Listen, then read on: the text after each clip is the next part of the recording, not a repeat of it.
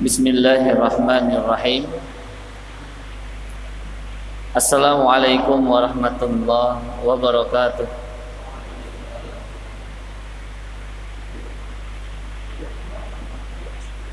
Innal hamdalillah nahmaduhu wa nasta'inuhu wa nastaghfiruh wa nastahdi wa natubu ilaih wa na'udzu bihi min shururi anfusina ومن سيئات أعمالنا. من يهده الله فلا مضل له ومن يضلل فلا هادي له. نشهد أن لا إله إلا الله وحده لا شريك له ونشهد أن محمدا عبده ورسوله. اللهم صل وسلم على حبيبنا وشفيعنا ومولانا محمد بن عبد الله وعلى آله وأصحابه ومن والاه ما بعد Bapak-bapak jamaah yang dimuliakan Allah, yang dicintai Allah Subhanahu wa taala, alhamdulillah pada kesempatan yang baik ini insyaallah kita diberikan oleh Allah Subhanahu wa taala dorongan untuk melakukan ketaatan kepadanya di tengah guyuran hujan yang sangat deras Masya Allah ya. Tetapi insya Allah turunnya hujan itu di antara waktu diijabahnya doa-doa dan munajat kita semua maka ketika kita melakukan amal kebaikan berupaya untuk melakukan ketaatan bahkan di waktu-waktu yang membuat seharusnya kita lebih memilih untuk di rumah Insya Allah ini adalah bagian dari kebaikan yang akan Allah terus berikan kepada kita semua. Amin ya Rabbana ya Rabbal Alamin.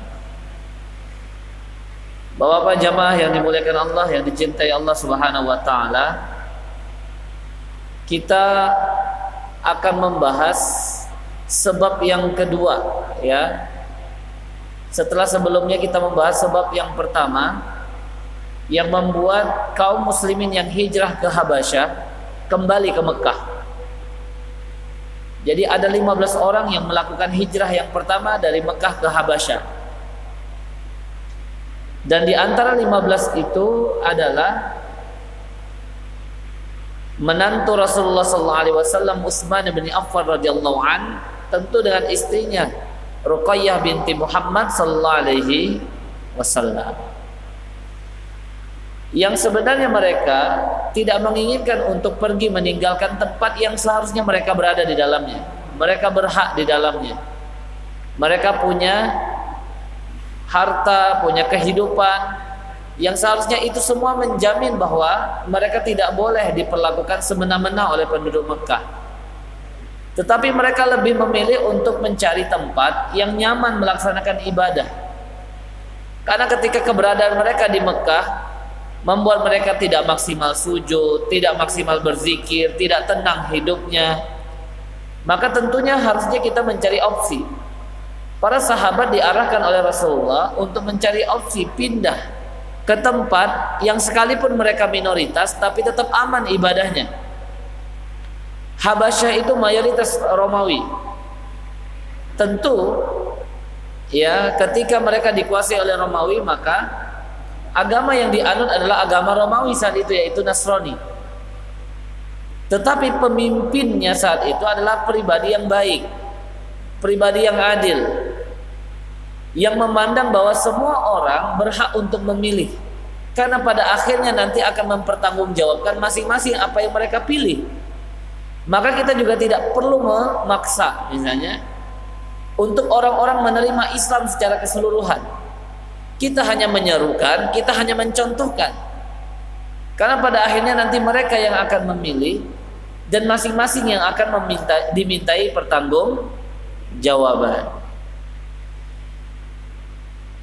Jadi jemaah yang dimuliakan Allah, kalau sebab yang pertama itu munculnya ayat-ayat setan kalau bahasa para ulama.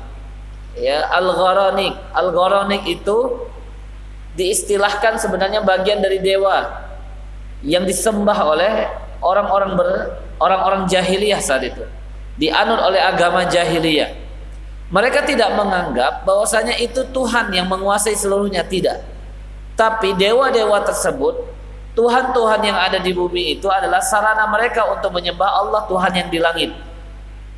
Maka mereka merasa tidak keluar dari ajarannya Nabi Ibrahim alaihissalam. Tentu ini sangat keliru. Ya sangat amat keliru. Nah, ketika misalnya turun surat An-Najm ya saat itu. Sampai pada ayat afara'aitumul lata wal uzza wa manata tsalitsatal ukhra. Tidakkah kalian perhatikan kata Allah Lata dan Uzza itu nama Tuhan-Tuhan mereka. Wa manata tsalisa juga nama Tuhan mereka. Lalu ternyata ya ketika Nabi Muhammad membacakan wahyu tersebut ribut semua orang-orang semua orang-orang ribut berkerumun saling membicarakan tuh. Dengar tuh Muhammad akan membicarakan Tuhan kita. Muhammad akan menista Tuhan kita. Muhammad akan menista agama kita sebagaimana yang telah dia jalankan saat ini. Ya, di tengah keributan itu ternyata terdengarlah suara. Ya, tilkal gharanikul ula. Itu dewa-dewa yang terpuji. Ya, wa inna syafa'atahunna laturja dan syafaat pertolongan dari mereka ya Lata Uzza Manat itu semua diharapkan akan didapatkan. Jadi dua dua ayat tersebut adalah tambahan yang kata para ulama sebenarnya itu adalah ucapan dari setan. Ucapan dari iblis. Ucapan dari jin yang memang nanti seperti akan terjadi kembali ketika seluruh Hudaybiyah uh, ketika Bayatul Aqabah ya Bayatul Aqabah yang kedua nanti. Jadi ketika pelaksanaannya Bayatul Aqabah yang kedua itu para setan itu mengeluarkan suara-suara yang membuat ya orang-orang Mekah itu membuat orang-orang kafir itu mencari tahu dari mana arah suara tersebut.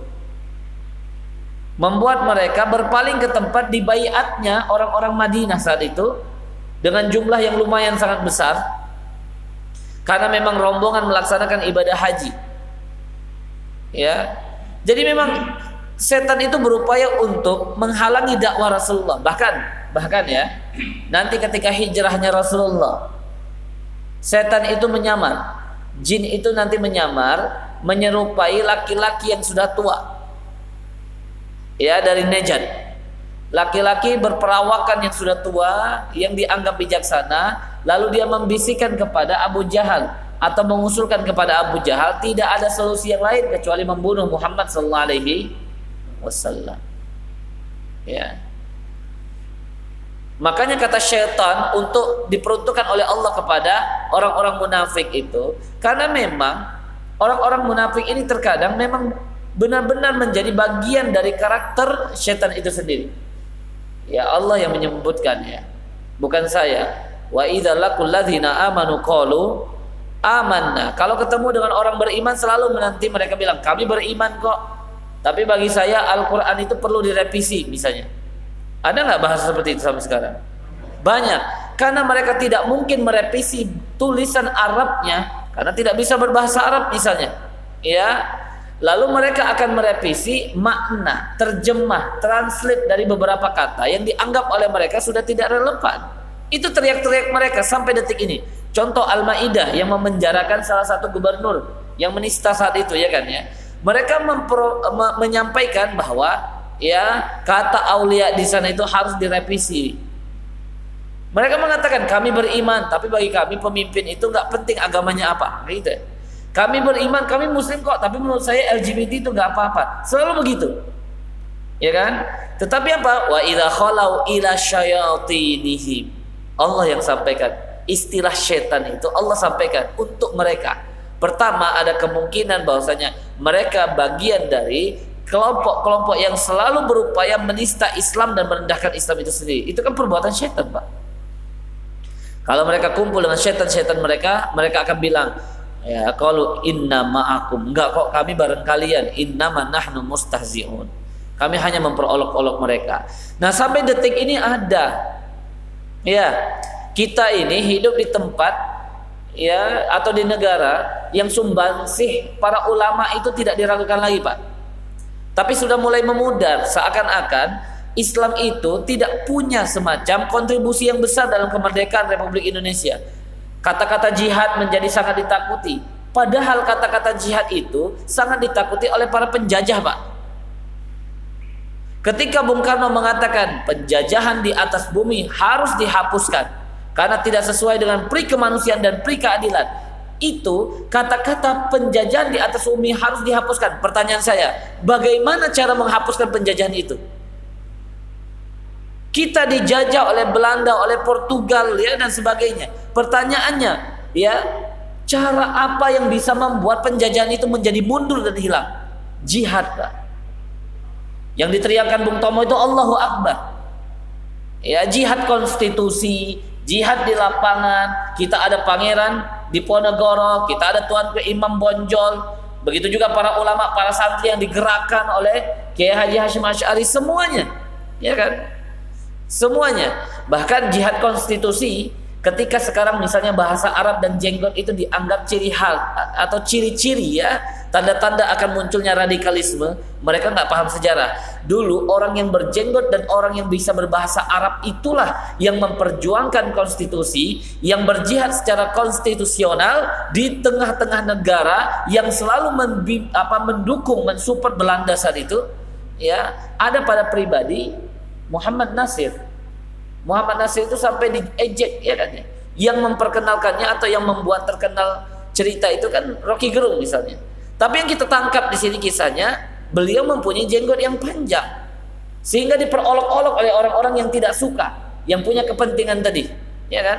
Dan kita harus pahami beliau bernegosiasi dengan negara-negara Arab sehingga negara-negara awal yang mengakui kan syarat kemerdekaan kita itu harus diakui oleh negara luar pak yang sudah merdeka. Nah, makanya kita mencari support, mencari dukungan dan tidak boleh hilang dalam sejarah kita. Yang pertama kali negara mengakui kemerdekaan kita bukan yang berbahasa Inggris. Tapi dengan bahasa yang mereka teriakkan sebagai ciri khas radikal. Mengapa ini terjadi terus-menerus? Karena kita ini tidak paham sejarah itu sendiri. Tanggung jawab kita sebagai seorang muslim harus menjaga sejarah itu, Pak. Jangan sampai orang-orang yang tidak tulus dalam memperjuangkan NKRI itu justru mengklaim mereka yang menjadi bagian terpenting. Ya. Jadi ini saya selalu semangat kalau kita kembali belajar sejarah negara kita Republik Indonesia karena itu dipastikan tidak akan sempurna ya silsilah kalau bahasa hadisnya sanad ya Pak ya. Tidak akan sempurna sanad itu kecuali ketika kita akan membahas perjuangan para ulama-ulama kita. Ya, baik Bapak-bapak yang dimuliakan Allah. Itu ayat-ayat setan. Maksud saya sampai detik ini banyak sekali orang-orang yang terpengaruh oleh godaan setan itu. Makanya ya ketika para santri misalnya menghafal Al-Qur'an, tutup telinganya, mereka nggak protes tempat itu tolong dikecilin ya.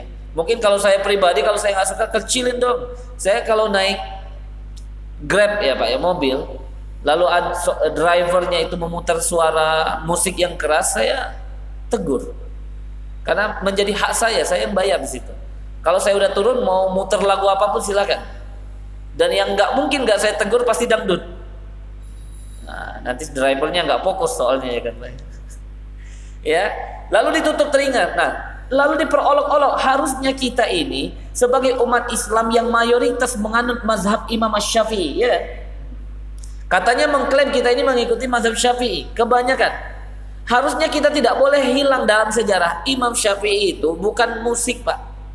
Tapi ketika lewat pasar, ketika melewati pasar, di pasar itu ada orang tawar menawar, ada orang bernegosiasi, ada orang jualan, orang orang jual beli. Ya, bukan hanya musik. Imam Syafi'i lewat pasar dia tutup telinganya karena khawatir ada pembicaraan orang-orang atau ada tawar menawar yang nanti masuk ke otaknya merusak hafalannya. Imam Syafi'i itu dari tujuh tahun sudah hafal Al-Quran. Tapi bukan berarti kalau sudah hafal Al-Quran selesai. Tidak. Yang paling berat setelah menghafal itu adalah menjaganya. Karena Al-Quran itu ya adalah nur yang tempatnya di dalam hati, Pak. Akan hilang hafalan Al-Quran kalau bermaksiat kepada Allah. Maksiat dalam bentuk penglihatan, maksiat dalam bentuk kata-kata, maksiat dalam bentuk apa yang didengar. Ya. Makanya kita harus hargai ini para santri, ya, para santri ketika menutup telinga itu bukan perkara yang baru, bahkan Rasul pun mencontohkan. Ya, bahkan Rasul pun mencontohkan. Jadi kita itu memang kembali aneh sesuai dengan hadis Rasulullah yang diriwayatkan oleh Imam Muslim dan Imam Ibnu Majah dan dikuatkan kembali oleh Imam Ahmad. Bada al-Islamu ghariban kata Rasulullah.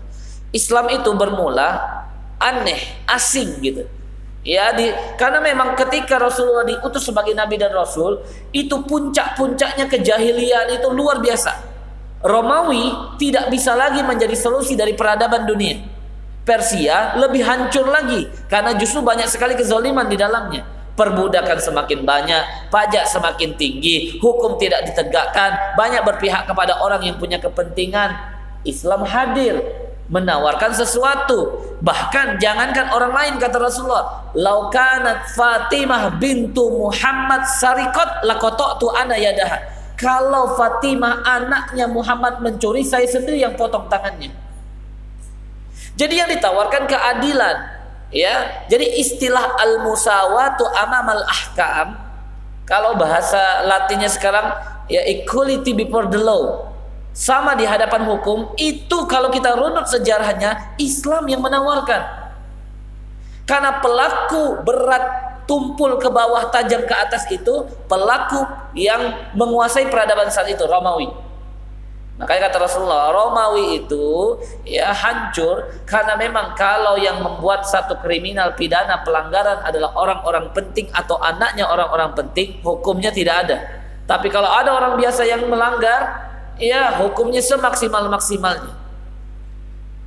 Itu Pak kalau terjadi ya kita tidak anggap misalnya di negara kita, anggap aja di negara lain. Ya, yang kalau koruptor hukumannya bisa ditawar. Kalau mencuri hukumannya luar biasa besar. Bukan berarti kita membenarkan, tetapi tidak adanya keadilan di sana. Kalau yang kumpul-kumpulnya lawan politik nanti ditangkap 4 tahun penjara. Tapi kalau kumpul-kumpulnya pemimpin, presiden, presiden Uganda maksudnya Pak ya. Itu luar biasa tidak ada responnya. Ya. Nauzubillahnya Pak, kabar buruknya kalau itu terus terjadi dan kita tidak menentang, itu akan mendekatkan kita kepada kebinasaan secara komunitas. Ya, secara kelompok. Bukan mereka saja yang zolim yang akan diazab, tapi kita pun akan terkena kalau kita tidak berupaya mengingatkan. Baik, kembali ke pembahasan kita. Nah, sebab yang kedua yang membuat 15 orang tadi hijrah kembali, Pak ya. Ya, dari Mekah eh, dari Habasyah ke Mekah, Islamnya Umar bin Khattab. Ini orang yang sangat luar biasa, Pak. Pribadinya sangat amat luar biasa. Dia pribadi yang pemberani, kuat secara fisiknya, tapi cerdas. Ya, kadang-kadang kan ada orang yang sukanya berantem gitu ya jagoan ini. Bahkan kalau bahasa saya saya simpulkan dari kitab-kitab sirah itu Umar ini kalau bahasa kita sekarang jawara pak. Hmm. kalau gulat itu nggak pernah kalah. Tapi nggak ada riwayat dia pernah gulat dengan Rasulullah gitu. Karena Rasulullah juga nggak pernah kalah kalau gulat. Maka jangan kita bayangkan Rasulullah itu kayak misalnya pribadi yang alim tapi lemah secara fisik tidak pak. Rasulullah itu sempurna secara fisik. Saya kalau menceritakan fisik Rasulullah saya yang malu. Rasulullah itu kuat, Pak. Rasulullah itu kuat. Ini ada semacam analogi dari Gus Baha ya.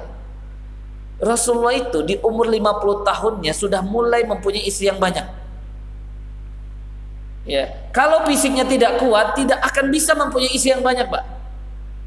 Ya, dan Rasulullah itu secara fisiknya disampaikan oleh para sahabat, bagian perutnya itu tersusun rapi. Seperti batu bata, ah, six pack kalau bahasa sekarang. Kita ini susah ya. Jadi kalau kalau gulat Rasulullah itu nggak pernah kalah. Nanti kita kisahkan ada Rukana yang dulu sebelum menantang Rukana itu anaknya. Nanti ada bapaknya Rukana itu. Ada orang yang hebat sekali gulat, yang kuat sekali, tidak terkalahkan di sana. Nantang Nabi Muhammad SAW. Kalau dia bisa mengalahkan, ya kalau Nabi Muhammad bisa mengalahkan dia, dia masuk Islam. Rasulullah santai aja dan mengatakan baik, ayo. Gulat sekali kalah. Ah sekali lagi saya nggak siap tadi kira-kira. Gulat dua kali kalah, gulat tiga kali kalah. Akhirnya dia ya tetap tidak masuk Islam. Karena malu dibicarakan anaknya menantang Nabi Muhammad. Anaknya juga kuat. Tapi anaknya benar-benar memegang janji kalau dia kalah dia masuk Islam. Kalah masuk Islam, Pak. Ya. Jadi Nabi Muhammad itu apa? kuat secara fisiknya.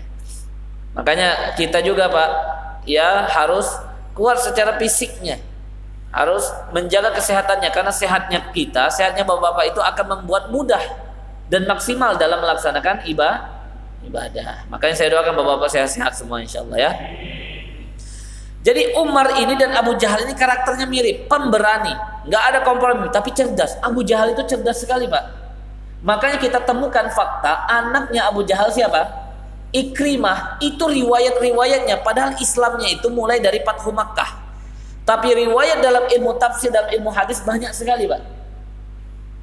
Ikrimah itu sangat cerdas. Karena memang bapaknya cerdas loh. Ustadz Abu Jahal, Abu itu kan yang memiliki, Jahal itu kan bodoh.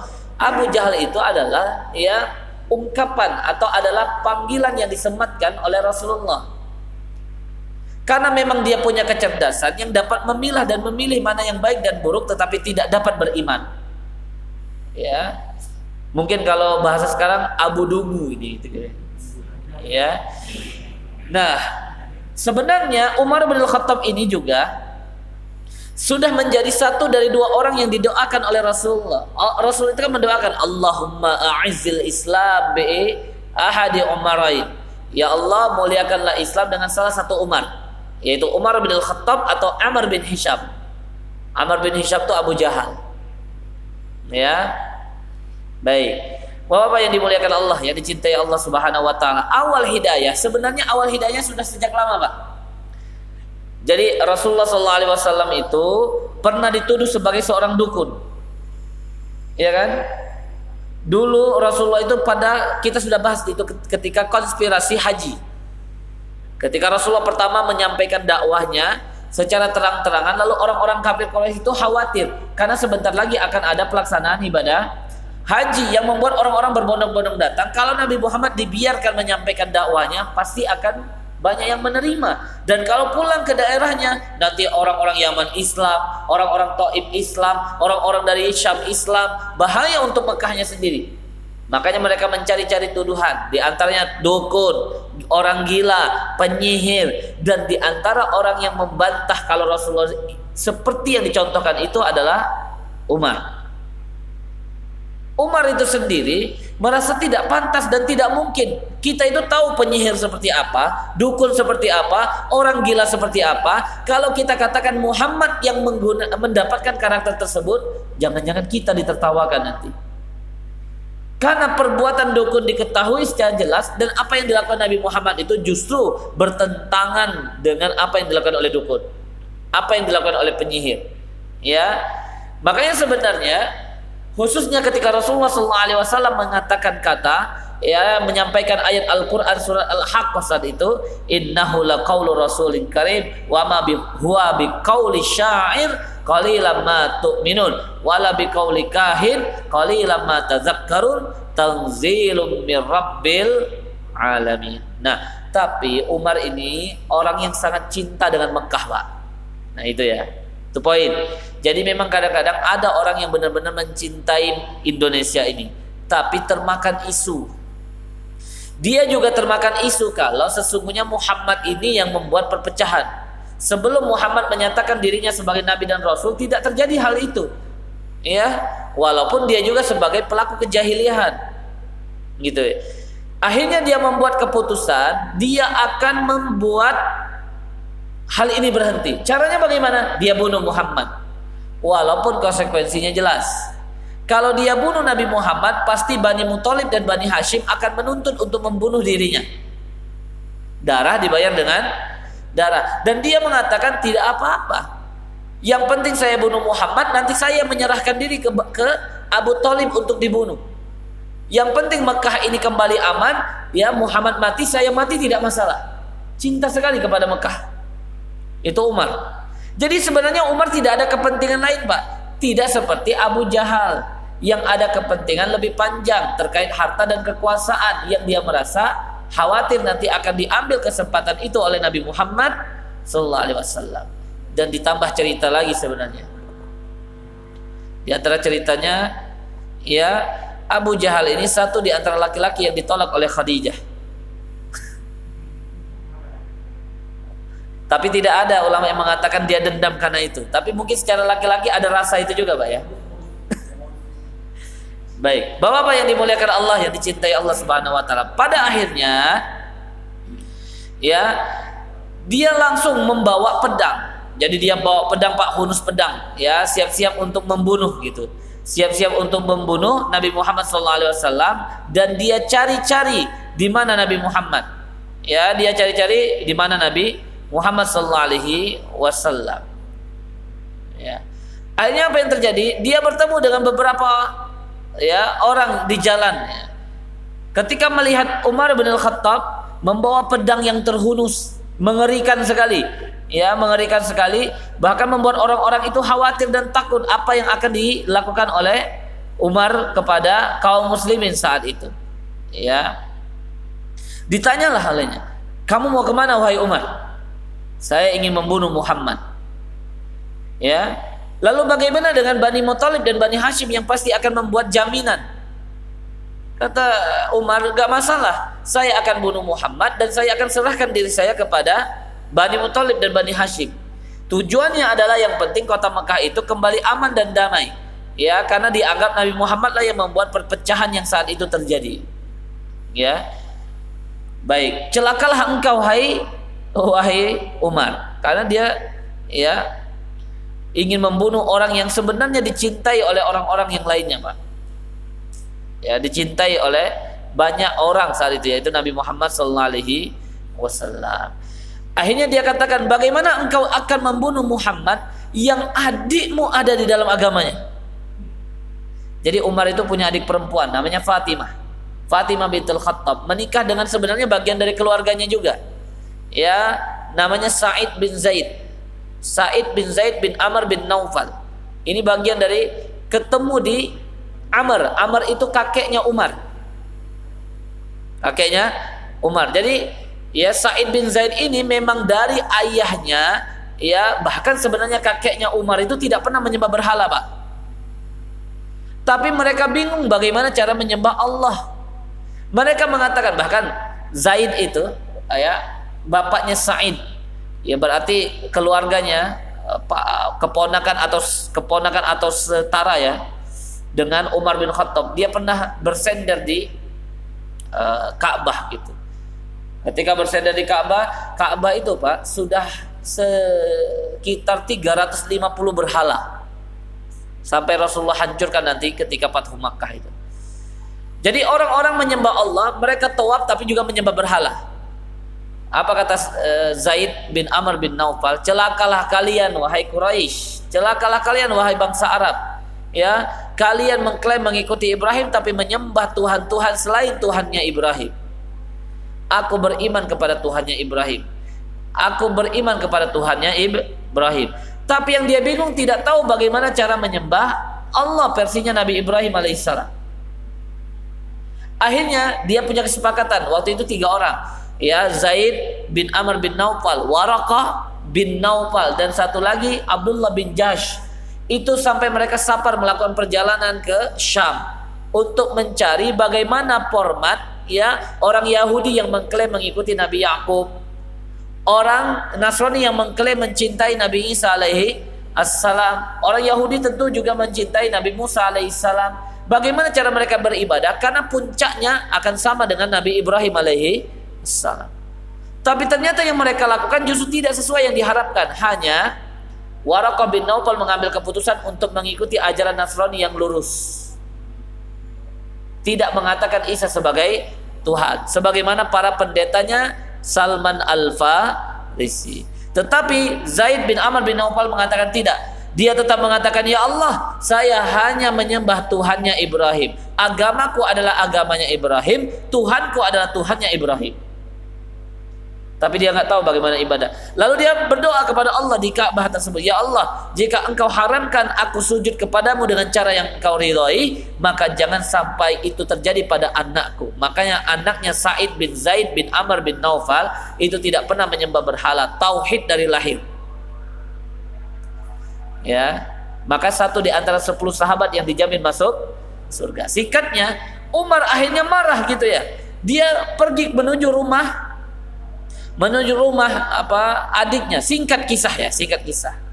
Dipukul lah gitu Said bin Zaid sampai berdarah. Ketika Umar ingin kembali memukulnya Fatimah berusaha untuk menghalanginya. Akhirnya Fatimah yang terpukul. Ya berdarah gitu. Ya sekuat-kuatnya laki-laki melihat perempuan apalagi adik kandungnya sendiri. Karena yang dia lakukan itu karena dia khawatir itu bahaya kan ya bagi adiknya mencelakakan adiknya gitu. Akhirnya ya dia justru sebenarnya sebelum masuk ke rumah itu terpesona ketika dibacakan ayat Al-Quran. Ketika dibacakan surat Toha. Sampai puncaknya surat Toha ayat ke-14. Innani anallahu la ilaha illa ana wa aqimis salata di zikri. Apa kata Umar? Ma ahsana hadal kalam wa akramah. Ya betapa mulianya, betapa baiknya kata-kata ini. Daluni ala Muhammad itu simpulannya. Dia minta tunjukkan aku pada Muhammad. Aku ingin masuk Islam. Ya. Jadi di perjalanan itu sebenarnya dia bertemu dengan orang yang sudah beriman kepada Rasulullah. Yang khawatir akhirnya menginformasikan nanti ya kepada Rasulullah yang saat itu dengan kaum muslimin para sahabat berkumpul di rumahnya Arqam bin Abil Arqam. Di dalamnya ada Hamzah bin Abdul Muttalib. Nama sahabatnya adalah Nuaim. Nuaim bin Abdullah. Akhirnya dia sampaikan itu. Ya ternyata datanglah Umar bin Khattab dibimbing oleh adik iparnya yaitu Said bin Zaid justru untuk masuk ke agama Islam. Walaupun ada kejadian saat itu. Hamzah itu kuat pak. Fisiknya kuat. Ketika di, di, diintip dan sampaikan wah Umar datang. Para sahabat udah mulai panik Umar datang. Apalagi yang dibawa oleh Umar adalah pedang. Oh ini tanda yang nggak baik gitu kan. Umar datang membawa pedang. Apa kata Hamzah? Bukakan pintunya. Ya. Kalau dia berniat baik, maka kita baik. Kalau dia berniat buruk, baini wa bainahu saif. Antara saya dan dia pedang. Berantem maksudnya. Tapi Hamzah udah gak sabar lagi. Akhirnya ketika diketuk pintu, dibukakan pintu oleh sahabat. Hamzah itu langsung menarik kerah baju bagian baju dari Umar bayangkan ya Pak badan Umar itu besar sekali Pak. Tapi bagaimana fisiknya Hamzah? Hamzah angkat sampai ke dinding seperti itu itu hebatnya Hamzah. Makanya Hamzah itu ditakuti pada perang Badar man of the match-nya Hamzah. Ya. Jadi kalau Umar hebat Hamzah lebih hebat lagi. Makanya dikatakan Sayyidus Syuhada. Penghulunya para syuhada ya dia juga syahidnya karena dicurangi ya kan? Ditombak ya dari belakang. Kalau enggak kalau satu lawan satu enggak enggak akan kalah. Ya keberaniannya ditopang lagi dengan keimanan selesai. Ya jadi bapak-bapak yang dimuliakan Allah Subhanahu wa taala Rasulullah justru mengatakan biarkan biarkan. Karena Rasulullah tahu ini adalah satu ya dari dua orang yang Rasul mintakan dikabulkan oleh Allah. Ya akhirnya dibiarkan masuk Islam Umar masuk Islam.